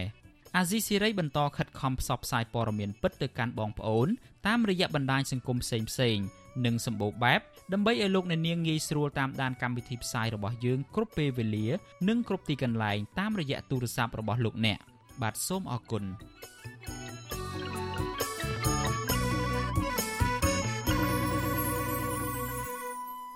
បាទលោកអ្នកនាងជាទីមេត្រីក្រុមស្នូលបណ្ដាញសហគមន៍ការពារព្រៃឡង់ខេត្តស្ទឹងត្រែងម្នាក់គឺលោកគង់រីនៅតែបង្ហាញជំហរការពារព្រៃយ៉ាងមុតមមស្របទៅតាមរដ្ឋធម្មនុញ្ញ បើទោះបីជាលោករងការគំរាមកំហែងធ្វើទុកបុកម្នេញពីសំណាក់អាជ្ញាធរនិងឆ្មាំអភិរក្សរបស់ក្រសួងបរិស្ថានយ៉ាងណាក្តីសកម្មជនព្រៃឡង់រូបនេះអំពាវនាវឲ្យប្រជាពលរដ្ឋគ្រប់មជ្ឈដ្ឋាន ចូលរួមការពារនិងតាមដានដោយយកចិត្តទុកដាក់ពីស្ថានភាពព្រៃឡង់ដែលកំពុងប្រឈមការកាប់បំផ្លាញនិងការបរបាញ់សត្វព្រៃយ៉ាងពេញទំហឹងបាទលោកជាតិចំណានសូមជូនសេចក្តីរាយការណ៍នេះពិស្ដាដូចតទៅក្រុមស្នូបណ្ដាញព្រៃឡង់ខេត្តស្ទឹងត្រែងម្នាក់ គឺលោកគង្រីអះអាងថាលោកនឹងមិនដកថយឡើយចំពោះសកម្មភាពការពារព្រៃឈើបើទោះបីជាក្រសួងបរិស្ថានរដ្ឋបិទនឹងគម្រាមកំហែងពជាសហគមន៍មិនឲ្យចុះល្បាតព្រៃបែបណាក្តីសកម្មជនព្រៃឡង់រូបនេះបានលះបង់ពេលវេលាធនធានផ្ទាល់ខ្លួននិងអាយុជីវិតចុះល្បាតព្រៃឡង់ដើម្បីប្រមូលព័ត៌មាននិងស្វែងរកផុសតាងក្នុងគោលបំណងរុញឲ្យអាជ្ញាធរពាក់ព័ន្ធយកចិត្តទុកដាក់ការពារព្រៃឈើឲ្យច្បាស់លាស់លោកកុងរី ឲ្យដឹងនៅថ្ងៃទី29ខែកក្កដាថាមកដល់ពេលនេះលោកនៅមិនទាន់ទុកចិត្តឆ្មាំអភិរក្សរបស់ក្រសួងបរិស្ថាន ដែលឈរជើងយាមព្រៃឡង់លោកថាក្រសួងបរិស្ថាន នៅតែធ្វេសប្រហែសបណ្ដាច់បណ្ដោយឲ្យក្រុមល្មើសលួចចូលអាឈើក្នុងព្រៃឡង់ជាហូហែជាពិសេសអាជ្ញាធរពាក់ព័ន្ធមានចេតនាចង់លាក់បាំងព័ត៌មានពីសកម្មភាពកាប់ឈើធំធំនិងការទន្ទ្រានព្រៃខុសច្បាប់បែបអនាធបត័យជាច្រើនឆ្នាំមកហើយតែមិនទាន់មានវិធានការដោះស្រាយឲ្យបានច្បាស់លាស់នៅឡើយទេ លោកថាមកដល់ពេលនេះព្រៃឡង់ស្ថិតនៅក្នុងស្ថានភាពគ្រោះថ្នាក់ដោយមានសកម្មភាពកាប់ឈើធំធំនិងទន្ទ្រានដីព្រៃអភិរក្សតាមអំពើចិត្តស្របពេលដែលក្រសួងបរិស្ថាននៅតែរដ្ឋបិទពជាសហគមន៍មិនឲ្យចូលល្បាតព្រៃ ពលបាទម្ដងម្ដងយើងមានជួបឧបសគ្គទីមួយយើងមានការខ្វះខាតប្រេងហើយទីពីរយើងដោយសារខ្វះថ្នាំសង្កូវយើងទៅដេកមួយយប់ពីរយប់អីយើងទៅហើយទី3គឺយើងខ្លាចមន្ត្រីបកឋានគាត់ជួបគាត់ដេញចាប់យើងចឹងទៅគាត់យកយើងដាក់គុកអីចឹងទៅដោយគ្មានការអនុញ្ញាតជនល្មើសដូចកន្លងមកយើងដើរបានជួបជនល្មើសកំពុងការកាប់ទន្ទ្រានអីចឹងទៅយើងបានសួរពួកគាត់អីចឹងពួកគាត់ថា គាត់សុំមន្ត្រីបរិស្ថានហើយឥឡូវបច្ចុប្បន្ននេះគឺមានការកាប់ទន្ទ្រានរឹតតែខ្លាំងឡើងបាទបុរសវ័យ62ឆ្នាំសម្បុរខ្មៅស្រអែមរូបនេះមានទីលំនៅបច្ចុប្បន្ននៅក្នុងឃុំកាំងចាមស្រុកថ្លាបរិវត្តខេត្តស្ទឹងត្រែងទល់មុខទន្លេមេគង្គលោកមានកូន4នាក់ប្រុស1ស្រី3មានផ្ទះឈើទំហំ6ម៉ែត្រកន្លះគុណនឹង7ម៉ែត្រកន្លះប្រក់ស័ង្កសីជញ្ជាំងធ្លុះធ្លាយហើយលោកមានរបរធ្វើស្រែចម្ការ នៅលើដី1ហិកតា និងដងជ័រទឹកលក់ក្នុងតំបន់ព្រៃឡង់ ដើម្បីរកប្រាក់ផ្គត់ផ្គង់ជីវភាពលោកមានដើមច្បាស់ជាប់ទឹកក្នុងព្រៃឡង់ជាង1000ដើមប៉ុន្តែត្រូវគេលួចកាប់អស់ជាង50នៅក្នុងអំឡុងឆ្នាំ2020និងឆ្នាំ2021កន្លងទៅលោកគង់រេចាត់ទុកដើមច្បាស់ជាប់ទឹកជាប្រភពចំណូលដល់គ្រួសាររបស់លោកហើយវាអាចរកប្រាក់ចំណូលបានមួយខែចាប់ពី40ម៉ឺនរៀលដល់50ម៉ឺនរៀលលោកថាកាលពីឆ្នាំ2016លោកបានបង់រំលោះម៉ូតូមួយគ្រឿងដែលមានតម្លៃ1000ដុល្លារដើម្បីចុះល្បាតព្រៃនិងរកអនុផលព្រៃឈើ តែទម្រាំសងប្រាក់ធនាគារដាច់ម៉ូតូរបស់លោកបានខូចខាតអស់ទាំងស្រុងដោយសារតែចូលព្រៃឡង់លំបាកខ្លាំងប្រដដែលបន្ថែមថាសកម្មភាពចុះល្បាតព្រៃរបស់លោកកំពុងស្ថិតក្នុងភាពតានតឹងជាមួយនឹងមន្ត្រីឧទ្យានុរក្សរបស់ក្រសួងបរិស្ថានហើយកន្លងទៅមន្ត្រីបរិស្ថានខ្លះបានទៅដល់ផ្ទះរបស់លោកនិងនិយាយគំរាមលោកដោយផ្អាកចុះល្បាតព្រៃមិនសូមច្បាប់អនុញ្ញាតបើពុំដូច្នេះទេនឹងមានទោសទណ្ឌរីឯមេឃុំកាំងចាមនិងមេប៉ោះតែងតែគំរាមចាប់ខ្លួនលោក នៅពេលដែលលោករិះគន់មន្ត្រីទាំងនោះថាមិនអនុវត្តច្បាប់ព្រៃឈើនិងចូលដៃជើងជាមួយនឹងក្រុមជនល្មើសគាត់ឥឡូវវាសម្បូរទៅដោយម៉ាស៊ីនត្រង់ចំណវាសម្បូរទៅដោយមនុស្សកាប់បំផ្លាញព្រៃឈើនឹងតែម្ដងបាទអស់ស្វារស់ឥឡូវរស់សម្ពោចម្ដងរស់សម្ពោចរស់ខ្លាឃ្មុំឥឡូវខ្លាឃ្មុំនឹងក្នុងអស់ហើយខ្លាឃ្មុំក្នុងឆ្នាំហ្នឹងគឺគេចាប់បានមួយទៀតបាញ់បានមួយទៀតចំណែកភរិយារបស់លោកគង្រីគឺអ្នកស្រីអេងសុផលគាំទ្រការងាររបស់ប្តីរបស់លោកស្រី ព្រោះវាជាកាតព្វកិច្ចការពារផលប្រយោជន៍ជាតិបើទោះបីជាជីវភាពគ្រួសារក្រីក្រក្តីក៏លោកស្រីរីករាយដែរតែយ៉ាងណាលោកស្រីបារម្ភយ៉ាងខ្លាំងអំពីសុខភាពប្តីនៅពេលដែលចុះល្បាតព្រៃម្ដងម្ដងដោយសារតែអាជ្ញាធរមិនពេញចិត្តហើយអ្នកភូមិខ្លះមានមុខរបរអាចើលក់មិនសប្បាយចិត្តជាមួយនឹងគ្រួសាររបស់លោកស្រីនោះឡើយលោកស្រីថាប្តីរបស់លោកស្រីចូលព្រៃញឹកញាប់កន្លងទៅប្រឈមនឹងជំងឺច្រើនព្រោះការរស់នៅក្នុងព្រៃដោយបរិភោគទឹកអូរញឹកញាប់ និងទទួលទានរុក្ខជាតិព្រៃជំនួសបាយលោកស្រីសង្កេតឃើញថារយៈពេល3ខែចុងក្រោយនេះសុខភាពប្តីរបស់លោកស្រីទ្រុឌទ្រោមខ្លាំងដែលគាត់កាត់ជំងឺមហារីកក្រពះសាច់ដុះបំពង់កនិងថ្លើមហើយបច្ចុប្បន្នកំពុងសម្រាកព្យាបាលនៅផ្ទះដោយប្រើថ្នាំបុរាណព្រោះគ្មានប្រាក់ព្យាបាលនៅមន្ទីរពេទ្យអាណាទៅព្រៃលោកគ្រូពុំចេះតែទៅតាណាស្រេកទៅនឹងទៅតាណាផឹកទៅនឹងចឹងណាលោកគ្រូចាប់ថាគាត់ទៅហូបទឹក ទៅតាមដីតាមធ្លីតាមឆ្លុកអញ្ចឹងណាលោកគ្រូចាយកាពះពូវៀនគាត់មិនអាចជាអញ្ចឹងណាគាត់រលាកទៅទៅពេទ្យគេថាវាកាពះពូវៀននោះអាចជាដោះសាច់ពីពីកាពះរហូតដល់កំពង់ករៀលដាល់មកដល់ថ្លើមអញ្ចឹងណាលោកគ្រូវិសុអាស៊ីស្រីមិនអាចតាក់ទងសុំការបំភ្លឺរឿងនេះពីអ្នកនាំពាក្យក្រសួងបរិស្ថានលោកណេតភក្ត្រាបានទេនៅថ្ងៃទី29ខែកក្កដាដោយទូរស័ព្ទចូលជាច្រើនដងតែគ្មានអ្នកលើកប៉ុន្តែលោកធ្លាប់លើកឡើងថាក្រសួងបរិស្ថាន បានផ្ដោតលើកិច្ចការគាំពៀអភិរក្សធនធានធម្មជាតិនិងកំពុងសហការជាមួយសហគមន៍ព្រៃឈើទាំង19នៅជុំវិញព្រៃឡង់ដើម្បីទប់ស្កាត់និងបង្ក្រាបបទល្មើសធនធានធម្មជាតិគ្រប់ប្រភេទជាមួយរឿងនេះសកម្មជនការពារបរិស្ថានលោកសាន់ម៉ាឡាកោតសរសើរចំពោះការលះបង់របស់សកម្មជនព្រៃឡង់រូបនេះដែលលោកយល់ថាអាញាធរពាក់ព័ន្ធនឹងមន្ត្រីបរិស្ថានគួរតែគ្រប់គ្រងនិងលើកទឹកចិត្តចំពោះពលរដ្ឋដែលលះបង់ការពារទ្រព្យសម្បត្តិរួមរបស់ជាតិលោកថាលោកគង្រី មានភាពក្លាហានស្មោះត្រង់និងមោះមុតលះបង់ពេលវេលានិងថវិកាផ្ទាល់ខ្លួនដើម្បីបុព្វហេតុព្រៃឡង់បើទោះបីជាមានការគម្រាមកំហែងក្តីក៏លោកមិនរេថយឡើយការចូលរួមរបស់ពលរដ្ឋធានាបានថាมันមានការខុបខិតគ្នាជាប្រព័ន្ធនៅក្នុងការបើកដៃឲ្យជនល្មើសមកបំផ្លិចបំផ្លាញធនធានធម្មជាតិរបស់ពួកយើងអាជ្ញាធរពាក់ព័ន្ធក៏គួរតែមានការលើកទឹកចិត្ត ដល់ប្រជាពលរដ្ឋដែលមានការបដិញ្ញាចិត្តនិងសកម្មនៅក្នុងការរួមចំណែកអភិរក្សថែរក្សាព្រៃឈើដែលជាទ្រព្យសម្បត្តិរួមរបស់ប្រជាជាតិខ្មែរបណ្ដាញសហគមន៍ព្រៃឡង់ឲ្យដឹងថាបណ្ដាញក្រុមស្នូព្រៃឡង់ទាំង4ខេត្តចំនួនជាង600នាក់បានស្ម័គ្រចិត្តបម្រើការងារជួយការពារព្រៃឡង់20ឆ្នាំមកហើយរហូតមកដល់ឆ្នាំ2019ទើបរដ្ឋាភិបាលចាត់ឲ្យក្រសួងបរិស្ថានការពារព្រៃឡង់បន្ថែមពីនេះ ការរដ្ឋបិទនិងការគម្រាមកំហែងពួកគាត់មិនឲ្យចុះល្បាតព្រៃពីសំណាក់មន្ត្រីឧទ្យានុរក្សឆ្លោះបញ្ចាំងថាក្រសួងបរិស្ថានមិនលើកទឹកចិត្តនិងផ្ដល់តម្លៃចំពោះការចូលរួមរបស់ពលរដ្ឋក្នុងការការពារព្រៃឈើស្របតាមរដ្ឋធម្មនុញ្ញនោះឡើយខ្ញុំបាទជាចំណាន Visual Assisray ពីរដ្ឋធានី Washington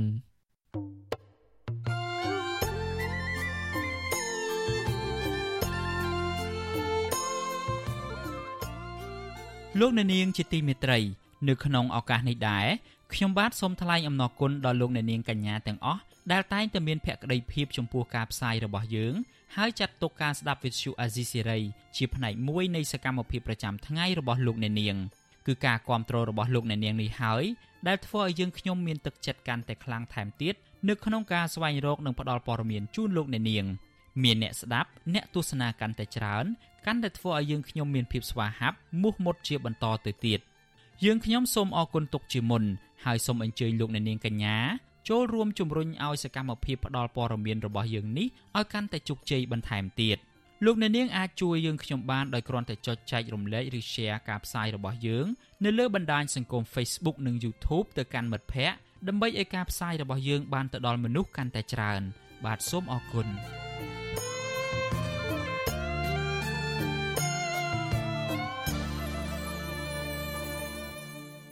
លោកអ្នកនាងជាទីមេត្រីលោកអ្នកនាងកំពុងស្ដាប់ការផ្សាយរបស់ Vuthu Azizi Serai ពីរដ្ឋធានី Washington នៃសហរដ្ឋអាមេរិករដ្ឋសភានៃគណៈបកប្រជាជនកម្ពុជា បានអនុម័តវិសោធនកម្មទី10នៃរដ្ឋធម្មនុញ្ញ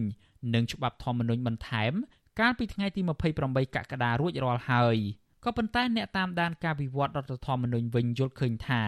ការកែរដ្ឋធម្មនុញ្ញនេះមានចំណុចបំពានលើស្មារតីនៃប្រជាធិបតេយ្យសេរីពហុបក ធ្វើឲ្យរបបសភានិយមចោះទុនខ្សោយតើវិសោធនកម្មរដ្ឋធម្មនុញ្ញនេះធ្វើឲ្យរដ្ឋសភាចុះខ្សោយអំណាចរបស់ខ្លួនដោយរបៀបណា បាទលោកជីវិតាសូមជូនសេចក្តីរាយការណ៍អំពីរឿងនេះដូចតទៅបើទោះជាមានការរិះគន់បែបណាក្តីក៏រដ្ឋសភាដែលមានតំណាងរាស្ត្រតែពីគណៈបកប្រជាជនកម្ពុជា បានអនុម័តវិសោធនកម្មរដ្ឋធម្មនុញ្ញលើកទី10នេះដោយរលូនរដ្ឋធម្មនុញ្ញកម្ពុជាច្បាប់ដើមឆ្នាំ1993 បានផ្ដល់អំណាចដល់រដ្ឋសភាក្នុងការបង្កើតរដ្ឋាភិបាលក្រោយការបោះឆ្នោតជាតិម្ដងម្ដងរដ្ឋធម្មនុញ្ញនេះក៏ផ្ដល់អំណាចដល់រដ្ឋសភាឲ្យត្រួតពិនិត្យតាមដានកិច្ចការរបស់រដ្ឋាភិបាលដើម្បីជៀសវាងអំណាចប្រមូលផ្ដុំក្នុងដៃអង្គនីតិប្រតិបត្តិឬរដ្ឋាភិបាល ដែលជាស្ថាប័នជាតិកម្ពូលមួយគ្រប់គ្រងកងប្រដាប់អាវុធដោយផ្ទាល់ប៉ុន្តែអ្នកវិភាគថាបន្តិចម្ដងបន្តិចម្ដងអំណាចរបស់រដ្ឋសភាត្រូវបានកាត់បន្ថយ តាមរយៈវិសោធនកម្មឬការកែរដ្ឋធម្មនុញ្ញកន្លងមកនេះអ្នកវិភាគជើងចាស់បណ្ឌិតឡៅម៉ុងហៃយល់ថាការកែរដ្ឋធម្មនុញ្ញលើកនេះកាន់តែអន្តរាយដល់ប្រព័ន្ធប្រជាធិបតេយ្យសេរីពហុបកប៉ះពាល់អំណាចរដ្ឋសភាដែលពលរដ្ឋបោះឆ្នោតឲ្យដោយផ្ទាល់វិសោធនកម្ម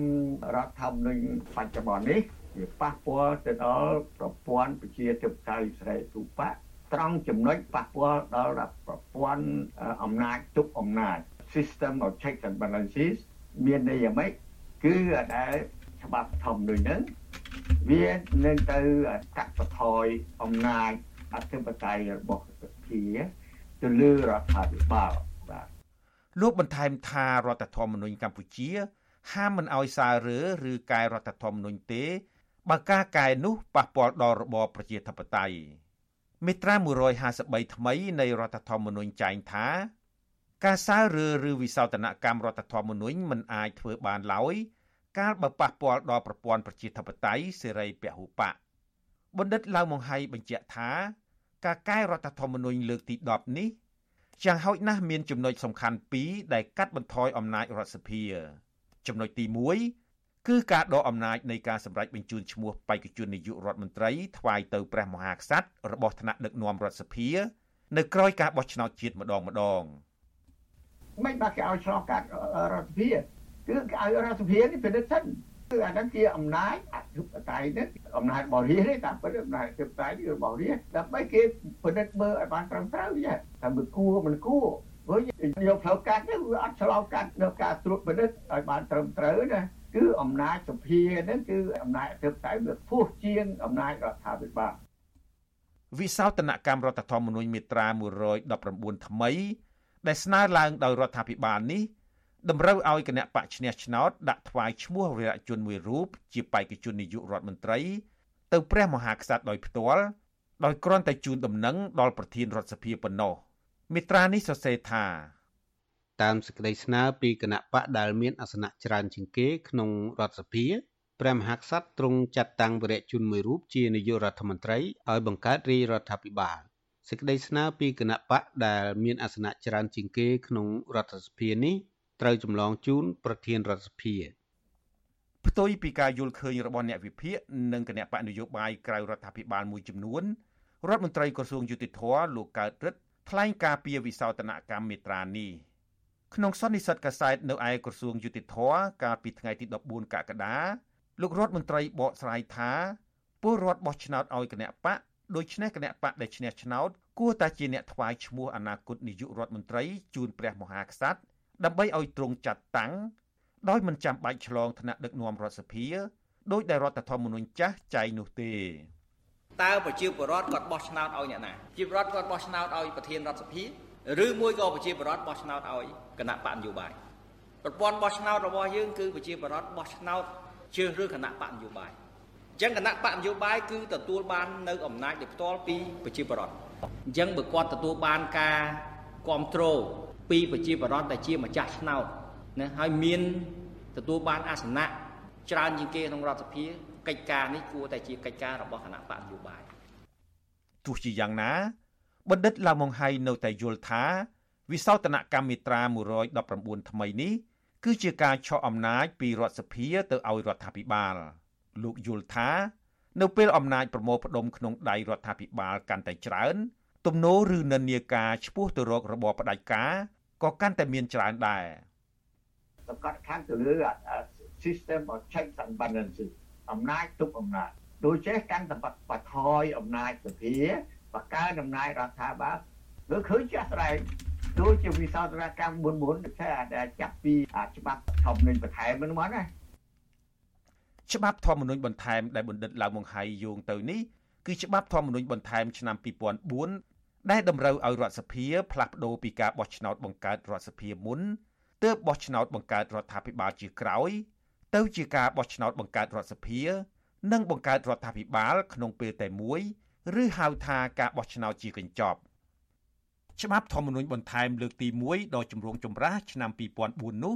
ធ្វើឡើងក្រោមបរិយាកាសនយោបាយអាប់អួរពលគឺការជាប់គាំងនយោបាយក្រោយការបោះឆ្នោតឆ្នាំ2003ពេលនោះទាំងព្រះបរមរតនកោដ្ឋសម្ដេចព្រះនរោត្តមសីហនុព្រះប្រមុខរដ្ឋទាំងលោកជាស៊ីមប្រមុខរដ្ឋស្ដីទីមិនព្រមឡាយព្រះហស្ថលេខា និងចុះហត្ថលេខាលើសេចក្តីព្រាងច្បាប់ធម្មនុញ្ញបន្ថែមនោះទេ ដើម្បីបង្ហាញការមិនពេញប្រតិយលើច្បាប់ធម្មនុញ្ញបន្ថែមនោះព្រះបរមរតនកោដ្ឋសម្ដេចព្រះនរោត្តមសីហនុបានយាងចេញពីកម្ពុជា នៅព្រឹកថ្ងៃទី13កក្កដាឆ្នាំ2004ទៅគង់នៅប្រទេសកូរ៉េខាងជើងប៉ុន្តែមួយថ្ងៃមុនពេលយាងចេញព្រះអង្គបានសរសេរចុតម៉ាយមួយច្បាប់ផ្ញើជូនលោកជាស៊ីមដោយមានព្រះរាជបន្ទូលថាសេចក្តីព្រៀងច្បាប់ធម្មនុញ្ញបន្ថែមដែលនឹងនាំឲ្យមានការបោះឆ្នោតជាកញ្ចប់នោះ គឺជាបញ្ហានាំទៅរកភាពប្រេះស្រាំនៃជាតិរបស់យើងព្រះអង្គថាព្រះអង្គមិនអាចទទួលខុសត្រូវចំពោះកិច្ចការដ៏ធ្ងន់នេះបានទេ ក្នុងលិខិតដែលបង្ហោះលើគេហទំព័ររបស់ព្រះអង្គសម្ដេចព្រះនរោត្តមសីហនុក៏បានមានប្រេកបន្ទូលទៅកាន់លោកជាស៊ីមប្រមុខរដ្ឋស្ដីទីថាសូមឲ្យលោកប្រើមនសិការរបស់លោកទៅចុះក្នុងការសម្រេចចិត្តថាតើត្រូវចុះហត្ថលេខា ឬមិនចុះហត្ថលេខាលើសេចក្តីព្រាងច្បាប់ធម្មនុញ្ញបន្ថែមនេះលោកជាស៊ីមដែលពេលនោះជាប្រធានព្រឹទ្ធសភានិងជាប្រធានគណៈបកប្រជាជនកម្ពុជាផងនោះក៏មិនយល់ព្រមចុះហត្ថលេខាលើសេចក្តីព្រាងច្បាប់ធម្មនុញ្ញបន្ថែមនោះដែរទង្វើនេះបានធ្វើឲ្យលោកនាយករដ្ឋមន្ត្រីហ៊ុនសែនមិនសប្បាយចិត្តសោះឡើយបន្ទាប់មកក្នុងថ្ងៃទី13កក្កដាដដែលនោះគេឃើញលោកហុកឡុងឌីអគ្គស្នងការនគរបាលជាតិ បានដឹកនាំកម្លាំងប្រដាប់អាវុធមួយក្រុមទៅផ្ទះលោកជាស៊ីមបង្ខំឲ្យលោកជាស៊ីមទៅដេកឈឺនៅប្រទេសថៃមួយរយៈសិនដើម្បីបើកឱកាសឲ្យមានប្រមុខរដ្ឋស្ដីទីថ្មីក្រោយលោកជាស៊ីមចាក់ចេញភ្លាមអនុប្រធានទី2នៃព្រឹទ្ធសភាលោកញឹកប៊ុនឆៃក៏ឡើងជាប្រមុខរដ្ឋស្ដីទីផ្លែតដែរហើយចុះហត្ថលេខាលើច្បាប់ធម្មនុញ្ញបន្ថែមនោះផ្លាប់តែម្ដងទាំងអស់នេះកើតឡើងយ៉ាងឆាប់រហ័សនៅក្នុងថ្ងៃទី13កក្កដាឆ្នាំ2004 ច្បាប់ធម្មនុញ្ញបន្ថែមនោះ បានបញ្ចប់ទូនីតិមេត្រា82ដើមនៃរដ្ឋធម្មនុញ្ញដែលចែងអំពីការបង្កើតរចនាសម្ព័ន្ធរដ្ឋសភា មុនបង្កើតគណៈរដ្ឋមន្ត្រីអ្នកវិភាគមើលឃើញថាការបង្ខំបង្កើតច្បាប់ធម្មនុញ្ញបន្ថែមនៅពេលនោះគឺដោយសារនាយករដ្ឋមន្ត្រីចាំផ្ទះលោកហ៊ុនសែនដែលជាអនុប្រធានគណៈបកប្រជាជនកម្ពុជាផងនោះលោកមិនទុកចិត្តសម្ដេចក្រមព្រះនរោត្តមរណរដ្ឋប្រធានគណៈបកហ៊ុនស៊ិនប៉ិច និងជាប្រធានរដ្ឋសភា ហើយក៏មិនទុកចិត្តលោកជាស៊ីមដែរថានឹងបោះឆ្នោតឲ្យលោកធ្វើជានាយករដ្ឋមន្ត្រីបន្តទៀតត្រឡប់មកមើលវិសោធនកម្មរដ្ឋធម្មនុញ្ញលើកទី10ដែលរដ្ឋសភាទើបបានអនុម័តនៅថ្ងៃទី28កក្កដាឆ្នាំ2022នេះវិញបណ្ឌិតឡាវម៉ុងហៃថាចំណុចសំខាន់ទី2ដែលកាត់បន្ថយអំណាចរដ្ឋសភា គឺការកែរដ្ឋធម្មនុញ្ញមាត្រា98 តាក់ទងទៅនឹងការបង្កើនចំនួនតំណាងរាស្ត្រពី30ទៅ42នាក់ដើម្បីអាចស្នើញត្តិបន្ទោសលើរាជរដ្ឋាភិបាលម្ដងម្ដងអាតម្លើងចំនួនពី30ទៅ42តំណាងរាស្ត្រហ្នឹងដើម្បីធ្វើញត្តិស្ដីបន្ទោសរាជរដ្ឋាភិបាលហ្នឹងបាទអាហ្នឹងគឺមានន័យថាកាត់បន្ថយអំណាចរបស់រដ្ឋសភាហើយហើយបង្កើនអំណាចនៅរដ្ឋាភិបាលទោះជាយ៉ាងណា រដ្ឋមន្ត្រីក្រសួងយុតិធធលោកកើតរិទ្ធថ្លែងការពីវិសោធនកម្មចំណុចនេះលោកថាបើចង់ស្ដីបន្ទោសឬទម្លាក់រដ្ឋាភិបាល ដែលវាមិនមែនជារឿងតូចតាចនេះតំណាងរាស្ត្រគួរតែមានសម្លេងគ្រប់គ្រងឲ្យបានច្រើនគួរសមដែរ98ថ្មីដូរពី30រូបទៅ42រូបឬ1ភាគ3ដើម្បីធ្វើញត្តិបន្ទោសវាធ្វើឲ្យប៉ះពាល់ឥឡូវប៉ះពាល់កន្លែងណាគឺប៉ះពាល់ថាពិបាករកសម្លេងក្នុងការធ្វើញត្តិបន្ទោសមិនយ៉ាងហ៎ បើប៉ះពាល់បើរកសម្លេងធ្វើញត្តិបន្ទោសមិនបានរកសម្លេងតម្លាក់គណៈរដ្ឋមន្ត្រីមិនរួចមិនចឹងសម្លេងគឺដើម្បីទម្លាក់គណៈរដ្ឋមន្ត្រីតាមរយៈញត្តិបន្ទោសគឺ50បូក1បើរកសម្លេងត្រឹមតែ30 41ភាគ3ដើម្បីធ្វើញត្តិបន្ទោសមិនបានផងតើទៅដំណើរការរបៀបលក្ខដើម្បីទម្លាក់រដ្ឋគណៈរដ្ឋមន្ត្រីមួយទាំងមូលដែលត្រូវការសម្លេង50%បូក1បានមកពីណាឃើញទេអញ្ចឹងយើងត្រូវមានភាពប្រកបនិយម លោករដ្ឋមន្ត្រីក្រសួងយុតិធម៌បញ្ជាក់ថា ការកែរដ្ឋធម្មនុញ្ញលើកនេះក៏ដូចលើកមុនមុនដែរគឺដើម្បីបំពេញចន្លោះប្រហោងនៃរដ្ឋធម្មនុញ្ញ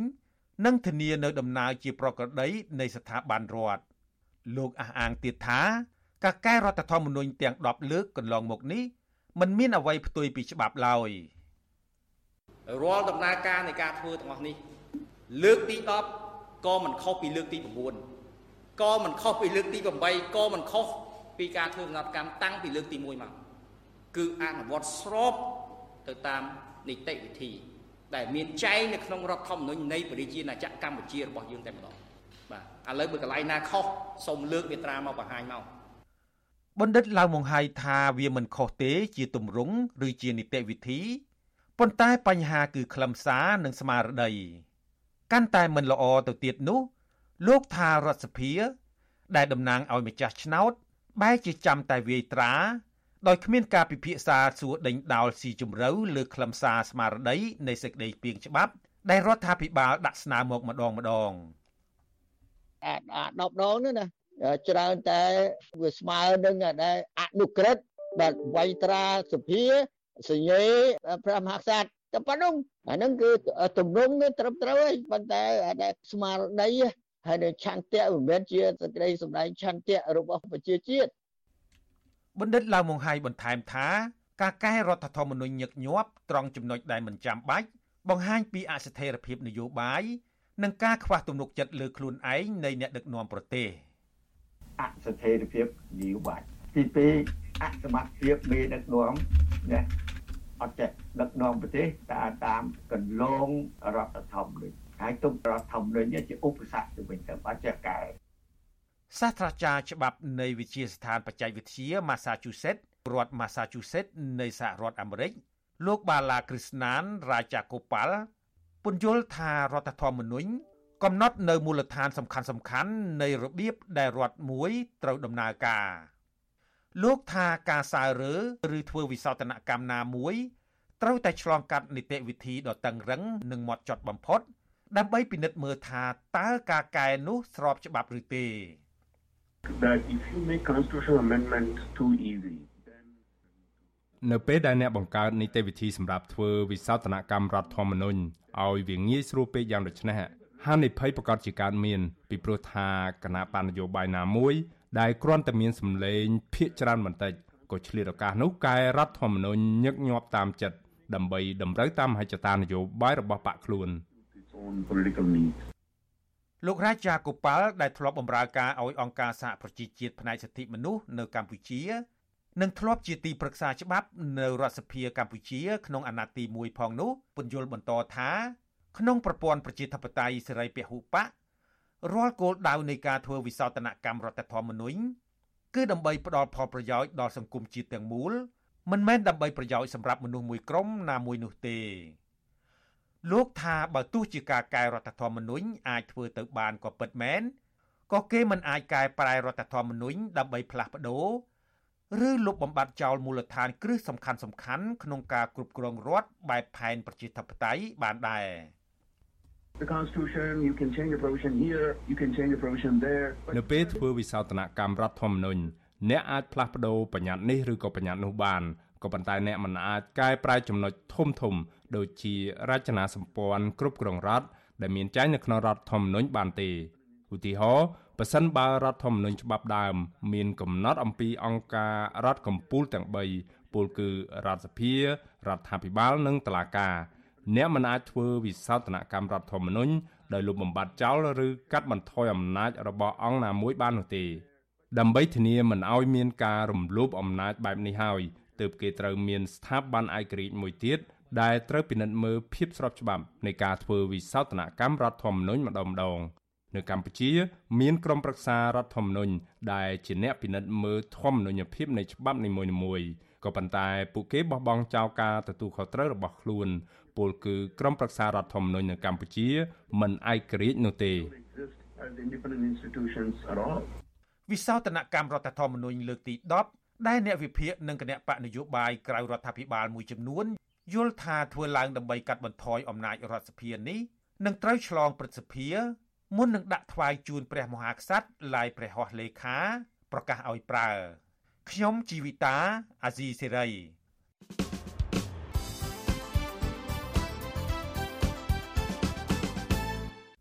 លោកអ្នកនាងជាទីមេត្រីការផ្សាយរយៈពេល1ម៉ោងរបស់វិទ្យុអាស៊ីសេរីនៅព្រឹកនេះចប់ត្រឹមតែប៉ុណ្ណេះយើងខ្ញុំសូមជូនពរដល់លោកអ្នកនាង ព្រមទាំងក្រុមគ្រួសារទាំងអស់ឲ្យជួបប្រកបតែនឹងសេចក្តីសុខចម្រើនរុងរឿងកុំបីឃ្លៀងឃ្លាតឡើយខ្ញុំបាទយ៉ងច័ន្ទដារាព្រមទាំងក្រុមការងារទាំងអស់នៃវិទ្យុអាស៊ីសេរីសូមអរគុណនិងសូមជម្រាបលា